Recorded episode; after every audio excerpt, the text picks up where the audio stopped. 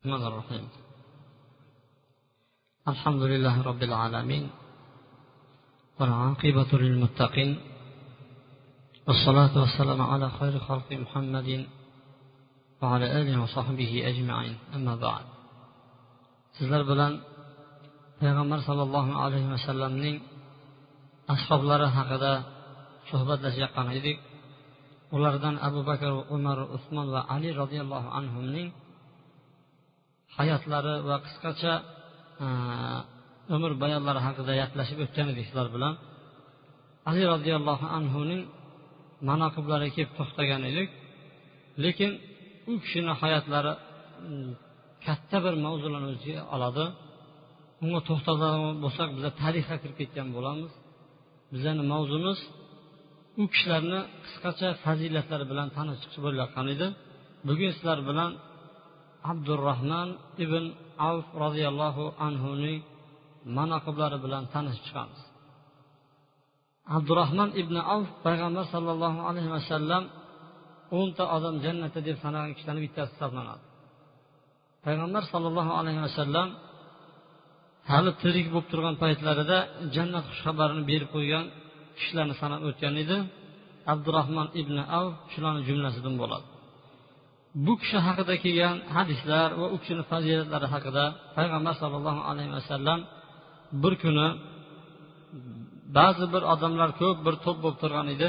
Hammasiga taqsimotlarni berdida abdurahmon ibn avfga bermadi. Abdurahmon ibn avf yig'lab tag'in chiqib ketdi. Shunda umar roziyallohu anhu unga yo'liqdi. Yig'lagan sababini so'raganda payg'ambar alayhissalom hammaga berdiyu man ham shularni ichida edim biroq manga bermadi dedi. Shunda umar roziyallohu anhu payg'ambar alayhissalomni oldiga borib bo'lgan gapni aytgan paytda man uni yomon ko'rganligim uchun bergan bermadim. Ya'ni uni to'sgan narsa yomon ko'rganligim uchun emas. Biroq man u kishini iymoniga havola qilgan edim. Uni iymoni ko'tara biladi bermasam ham deb iymoniga havola qilib qo'ygan edi dedi. Chunki o'zi aslida qattiq xafa bo'ladigan odam iymoni zaif odamlar xafa bo'ladi. Bu kishi yana ko'tara biladi deb turib u kishiga nimadir taqsimotni bo'lmadi degan ekan. Bu ham nimadir payg'ambar alayhissalom u kishini iymonlarini baquvvatligiga nima qilib suyanib turib u kishiga bermagan ekan. Abdurahmon ibn avf usmon roziyallohu anhudan yer sotib olgan ekan. Yer payini sotib olgan ekan.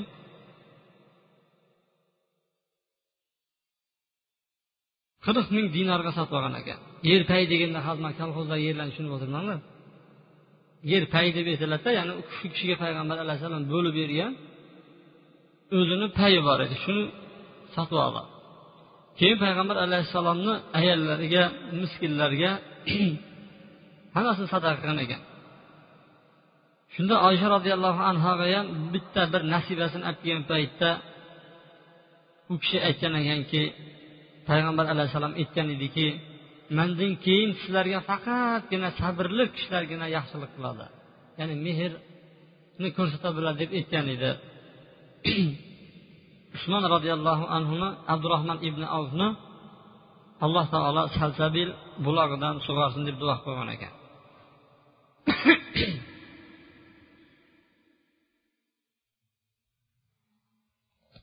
Yana payg'ambar sollallohu alayhi vasallam aytadiki kim meni ayollarini muhofaza qiladigan bo'lsa deb aytgan ekan. Faqatgina mandan keyin sizlarni rostgo'y ko'p yaxshilik qiladigan odamlargina sizlarni muhofaza qiladi deb turib ayollarga tayinlab ketgan ekan. Usmon abdurahmon ibn avf roziyallohu anhu doim ayollari bilan haj qilar ekan. Hozirgi paytda bir misol keltiradigan bo'lsak hajga borishlik qanchadir ikki ming yetti yuz bu shu ikki ming yetti yuz bo'lsa payg'ambar sollallohu alayhi vasallamni ayollarini o'zi bilan birga olib turib nima hajga olib ketar ekan nechta ayol bo'ladigan bo'lsa shuncha. Hozir bir odamga siz meni ham hajga olib ketingchi tinmay o'zingiz ketyapsiz deydigan bo'lsa bo'ldi yuraqa deb olib ketishi oson emas. Shuncha pulni bag'rini ketishlik qiyin emas. Usmon roziyallohu anhu har yili o'zi bilan birgalikda nima qilar ekan? Payg'ambar alayhissalomni ayollarini hajga boradi. Ha u yaqinda makka bilan madina orasida yetib boradi degan hayol kelib qolmasin. Hozirgi kunda ham madinaliklarni o'zini haj qilishligi ikki mingdan kam emas. Chunki ruxsat olishi bu yerda bizlarga o'xshab turib arzon arzon joylarni tanlashmaydi ular. Bemalol joylarni tanlaydi ikki mingdan kam ketmaydi. U paytda bo'lib ham tuyalarda olib borilardi tuyalarni butun mana ayollariga xos qilib turib chiroyli qilib turib havdaj deb qo'yadi.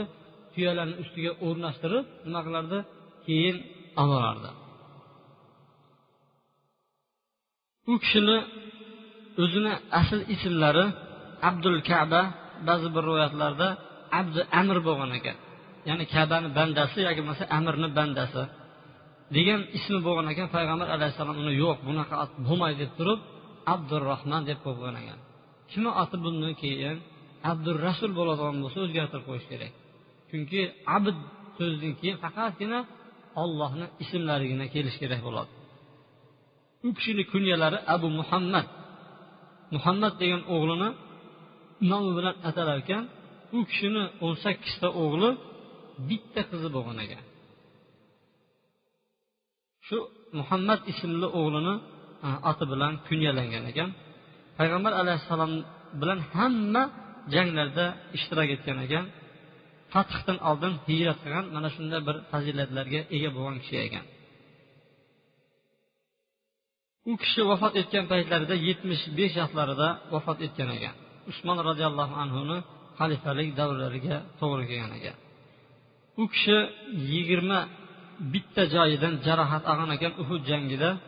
Shu sababli oyog'i cho'loq bo'lib qolgan ekan u kishini. Payg'ambar sollallohu alayhi vasallam madinaga kelgan paytda muhojirlar bilan ansorlarni do'stlashtirib qo'ydi. Bu kishini saad ibn robi degan boy kishi bilan do'stlashtirib qo'ygan ekan. U kishi ham abdurahmon ibn avfni oldiga kelib turib mana payg'ambar alayhissalom bizlarni do'stlashtirib qo'ydi alloh yo'lida meni mol dunyom mana teng yarimi sizniki. Ikkita ayolim bor chiroyligini tanlang man taloq qilaman shunga uylab ol degan ekan. Ya'ni payg'ambar alayhissalom bizlarni birodar qildi deb turib molni ham hattoki xotinni ham bo'lishgan ekan.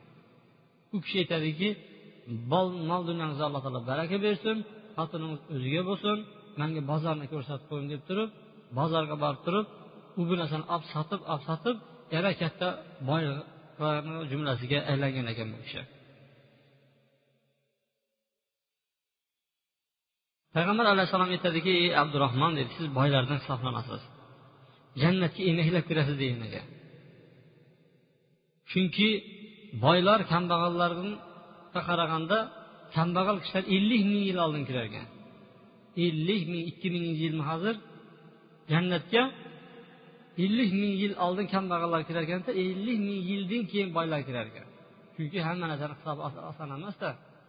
Buni qayerdan oldim buni qayerga qo'ydim degan hisob kitoblardan keyin birinchi kambag'allarni hechasi yo'q nimasini hisob kitob qiladi.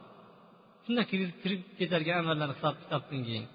Boylar shuncha kechikib qolar ekan abdurahmonga aytdiki roziyallohu anhuga siz boylardan hisoblanasiz jannatga emaklab kirasiz dedi. Shuning uchun allohni qarz qilib qo'ying deganda allohni qanday qarz qilaman? deb so'ragan paytda siz qo'lingizdagi narsalarni barini voz kechishingiz kerak dedi. Shu yeyib ketayotgan paytda payg'ambar alayhissalom elchi yubordiki hozir menga jabroil alayhissalom kelib turib xabar berdi. Shu pulingiz bilan shu mol dunyangiz bilan mehmonlarni kuting miskinlarga bering so'rovchilarga miskinlarni to'ydiring va so'rovchilarga bering va o'zingizga yaqin bo'lganlaridan boshlang. O'zingizni oilangizdan keyin shunday shunday yaqin yaqin odamlaringizdan sadaqa qilishni boshlang. Mana shunday qilsangiz shu sizga yetadi deb turib payg'ambar alayhissalom u kishini orqasidan elchi jo'natgan ekan. Anas roziyallohu anhudan rivoyat qilinadi bir kuni oysha onamizni uyida turgan edik bir ovoz eshitildi madinada. Bu nima desak abdurahmon ibn avfni shomdan qaytib kelayotgan karvonlarni ovozi ekan. Karvonlar u payt ovoz chiqarib kelardi. Shu ovozi ustida to'la hamma narsa bor yetti yuzta tuyasi bor ekan. Madina shunda boyag'ini ovozi bilan titrab ketgan ekan. Yetti yuzta tuya gurs kirib kelsa boyag'i har xil ovozlar bilan titrab ketgandan keyin oysha roziyallohu anhudan payg'ambar alayhissalomdan eshitgan edim. Abdurahmon jannatga emaklab kiradi deganini eshitgan edim deydi. Shunchalik boylik oson emasda bu gapni abdurahmon eshitgan paytda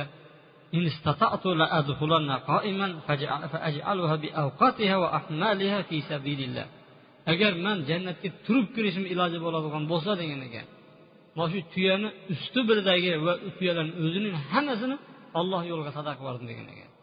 U tijoratni aylantirishga kelayotgan edi foydasini ko'raman deb turib boyagi bitta gapni eshitishi bilan nima qildi? Olloh yo'liga shundoq berib yuboraman hammasini deb turib yetti yuzta tuyasini yuklari bilan ollohni yo'liga sadaqa qilib ekan. Abu hurayra roziyallohu anhudan rivoyat qilinadi. Rasululloh sollallohu alayhi vasallam aytadi dinisai min ba'di. Sizlarni yaxshingizlar. Mandan keyin meni ayolimga yaxshilik qilganlaringizni deb aytgan ekan. Usmon e, abdurahmon ibn avf doimo payg'ambar alayhissalomni ayollariga yaxshilik qilib o'tgan kishi ekan.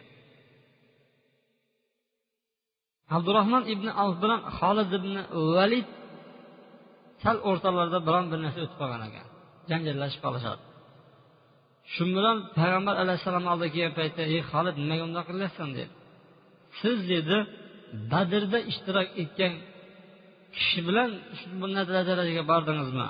Badrdagi ishtirok etgan kishiga ozor berdingizmi siz degan ekan agar uhud tog'ichalik oltinni degan infoq ehson qiladigan bo'lsangiz ham uni bir hovuchga yetkazolmaysiz degan ekan ya'ni abdurahmon ibn avfni sadaqasiga yetkazolmaysiz baribir. Uhud tog'ichalik oltiningiz borda shuni alloh yo'lida berib yuborsangiz abdurahmon ibn avni munchalik nimadir sadaqa arpasiga ham yetkazolmaysiz nimaga unga azob berasiz? deb turib halid ibn validga tanbeh berib qo'ygan ekan. Biroq shu bo'yicha payg'ambar alayhissalom qaytarmadi qaytib ketmadidagi shu bilan jim bo'lmadidagi halid endi yomon xafa bo'lib qoladi bu gapni eshitgandan keyin. La tuzu holidga sizlar endi azob bermanglar dedi.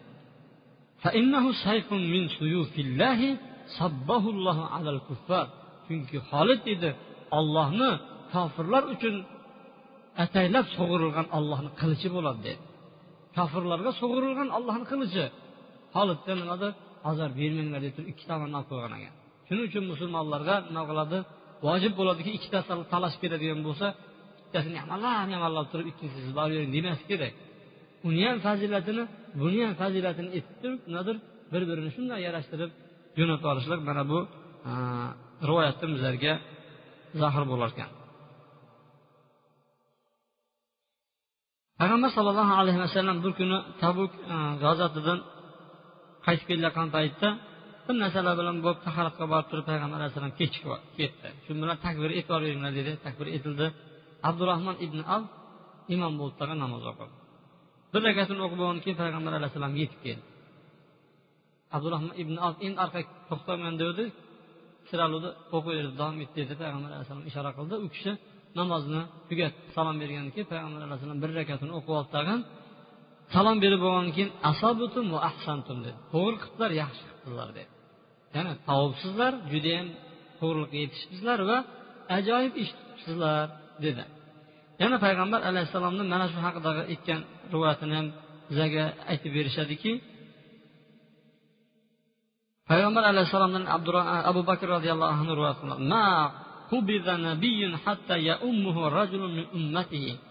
biron bir payg'ambar yo'qki uni joni qabz qilinmaydi hattoki uni ummatidagi bir kishi unga imom bo'lmaguncha degan hadisni payg'ambar alayhissalom aytgan ekan.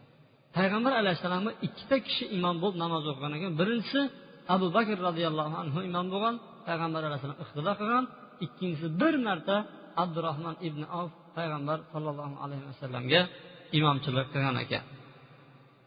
Hozirgi paytdagi ba'zi odamlarga o'xshab turib g'irlab imomchilikka o'tib ketish emas payg'ambar alayhissalom yo'q bo'lib qo'yganligi uchun imomchilikka o'tgan ekan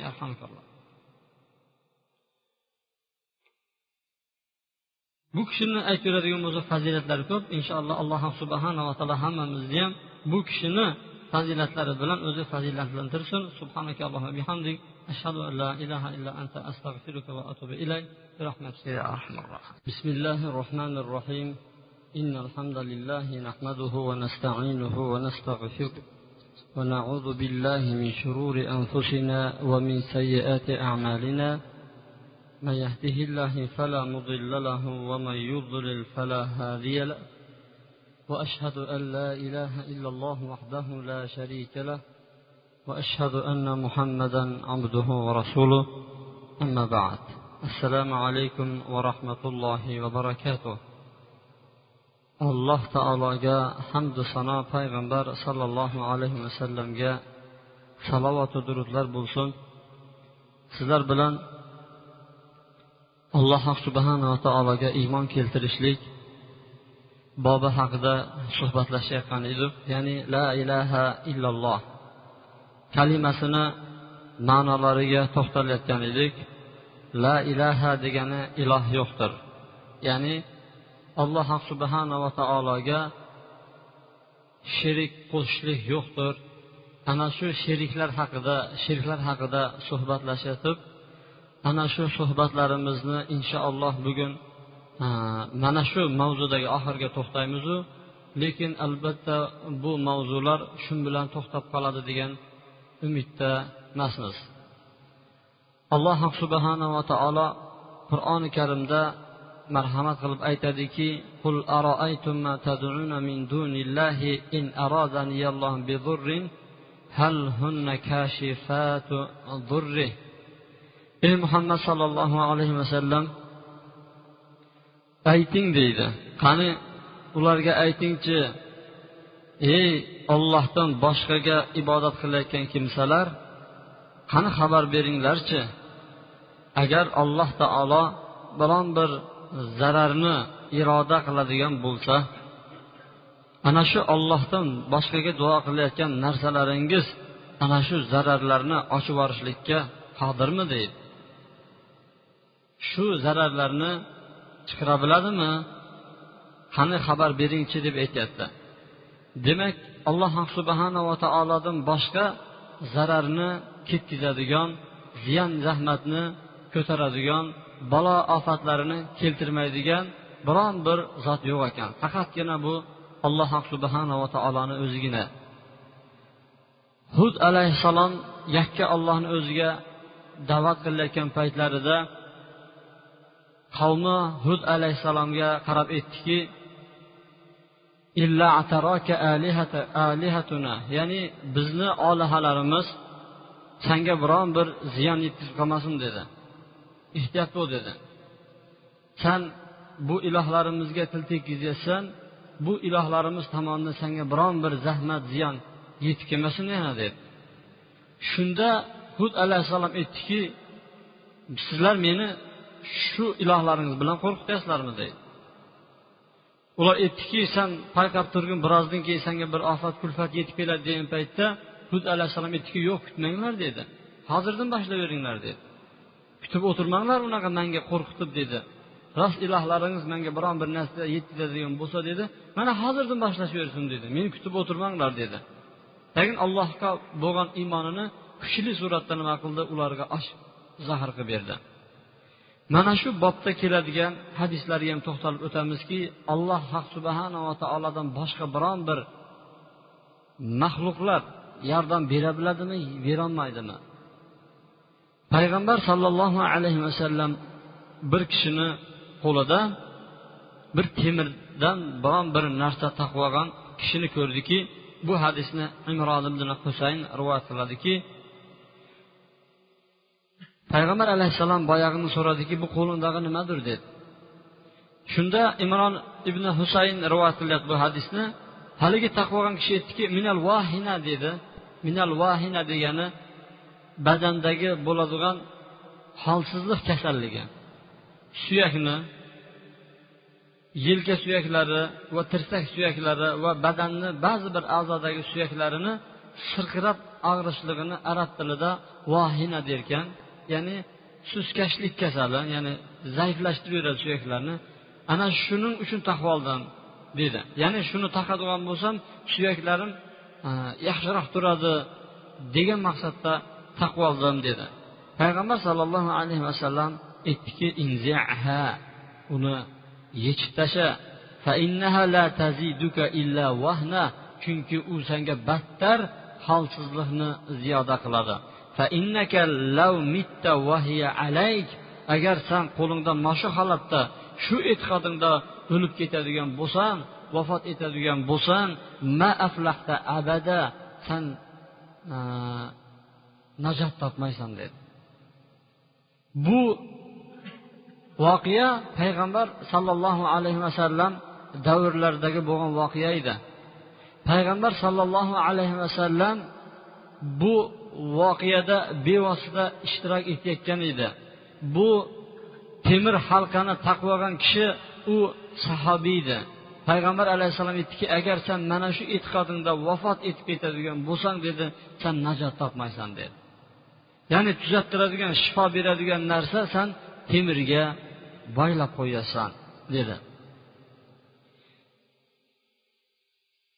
Payg'ambar sollallohu alayhi vasallamni oldiga ba'zi bir qavmlar keldi. Ya'ni to'qqizta kishi keldi. Aniqrog'i payg'ambar alayhissalomga islom diniga kirishlik uchun bayat berdi. Payg'ambar sollallohu alayhi vasallam shularni ichida bir sakkiztasi bilan qo'l olishib berishib ya'ni to'qqiztasi bilan qo'l olib berishdagin ichida bittasi bilan bayat qilmadi. Shu bilan boyagi haligi kishi aytdiki nega undoq qildingiz? Nega bu kishiga bayat qilmadingiz? degan paytlarda payg'ambar sollallohu alayhi vasallam buni tumori bor edi deb tumori bo'lganligi uchun man u bilan birga bayat qilmadim dedi. Haligi kishi shunday bo'ynilariga tiqdi qo'llarini va tumorlarini shunday uzib tashlagandan keyin payg'ambar alayhissalom keyin qo'l ushlashib turib undan islomni qabul qilib turib bayatlarini qabul qilgan ekan u kishidan bu hadisda ham tumor taqishlik shirkligiga dalolat qiladiki payg'ambar sollallohu alayhi vasallam ana shundan keyin aytdiki man taallaqa tamimatan faqad ashraka. Kimki tumor taqsa shirk keltiribdi dedi. Bu ikkinchi hadis. Uchinchi hadis huzayfat ibn yamoniy roziyallohu anhudan rivoyat qilinadi. Huzayfat ibn yamoniy bir kasalni ziyorat qilishlikqa boradi. Ya'ni bir kasalni holidan xabar olay deb borsa u kishini qo'llarida e, ip ko'radi qo'liga ip boylab olgan ekan. Shu bilan aytdiki boya bordag'in bu ipni nima uchun taqib oldingiz? degan paytda bu ipga manga dam solib berishgan edi. Shu mana shu bezgak kasali bor ekan u kishida shu bezgak kasali shu yengillatarmikin? degan maqsadda taqib oldim.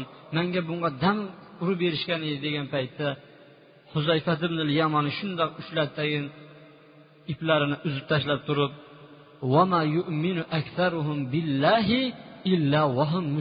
degan yusuf surasidagi oyatni o'qib qo'ydi.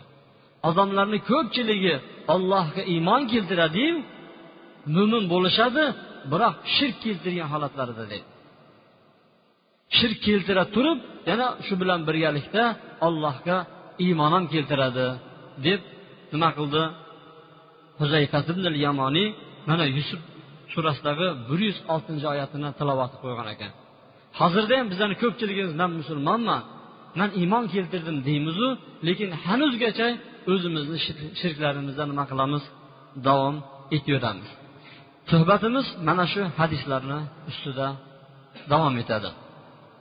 Payg'ambar sollallohu alayhi vasallam biron bir munkarni ish ko'rib qolgan paytda albatta so'rardi.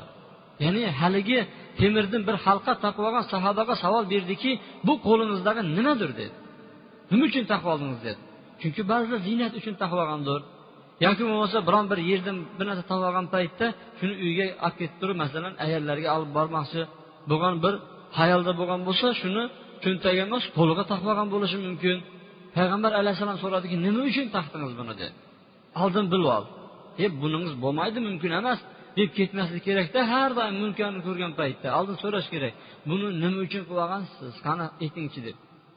Yo'q buni mana bu maqsadlarni desa ha deb keyin indamaysiz. U sahoba aytdiki minal vahina dedi. Vahina ya'ni nimadir? Badandagi suyaklarni sirqirashi ya'ni zaiflikka olib keladigan kasallik uchun man shu narsani taqib oldim deganda payg'ambar alayhissalom aytdiki ha uni yechgin dedi. La taziduka illa vahna bu senga faqatgina battar zaiflikni kuchaytiradi deb qo'ydi ulamolarimiz mana shu hadislardan kelib chiqqan holatda xulosalarni aytadiki alloh subhanava taolo odamdagi kasalliklariga ta'sir o'tkazadigan sabablarni qilgan ekan. Odamlarga ta'sir o'tkazadigan sabablarni qildi kasalliklarini tuzalishligi uchun. Bu sabablar ikki xil sabab bo'lar ekan. Birinchi sabab shar'iy sabab ikkinchi sabab qadariy sabab. Ana shu sababdan boshqa sabablar bilan insonlar davolanadigan bo'lsa bu ollohni rububiyatiga shirk keltirgan bo'ladi. Mana shu kalimalarni hozir sizlar bilan kengroq tushunib olamiz. Alloh subhanava taolo insonni kasalligini tuzalishlik uchun ikkita sabab qildi. Birinchisi shar'iy sabab.